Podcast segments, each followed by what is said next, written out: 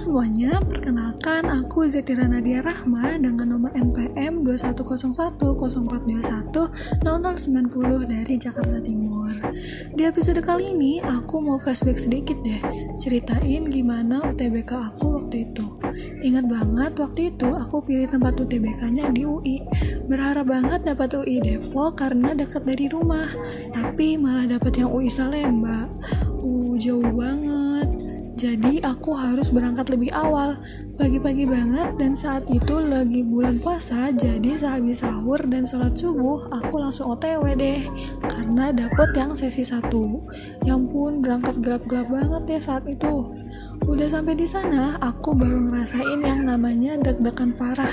Padahal di rumah tuh nggak kerasa deg-degannya. Waktu pengerjaannya pun aku bener-bener ngeblank banget. Karena apa yang aku pelajarin sedikit banget hadir di soal. Udahlah ditambah aku ngantuk banget dan lapar juga. Dan for your information, aku TBK-nya hamin dua penutupan. Jadi udah banyak banget di sosial media yang nge-spill soal-soal. Tapi aku nggak terpengaruh sama itu. Pokoknya perjuangan banget deh UTBK lagi puasa-puasa. Tapi aku tetap semangat. Oh ya, segitu aja cerita aku tentang hari H UTBK. Terima kasih udah dengerin episode kali ini. See you di episode selanjutnya.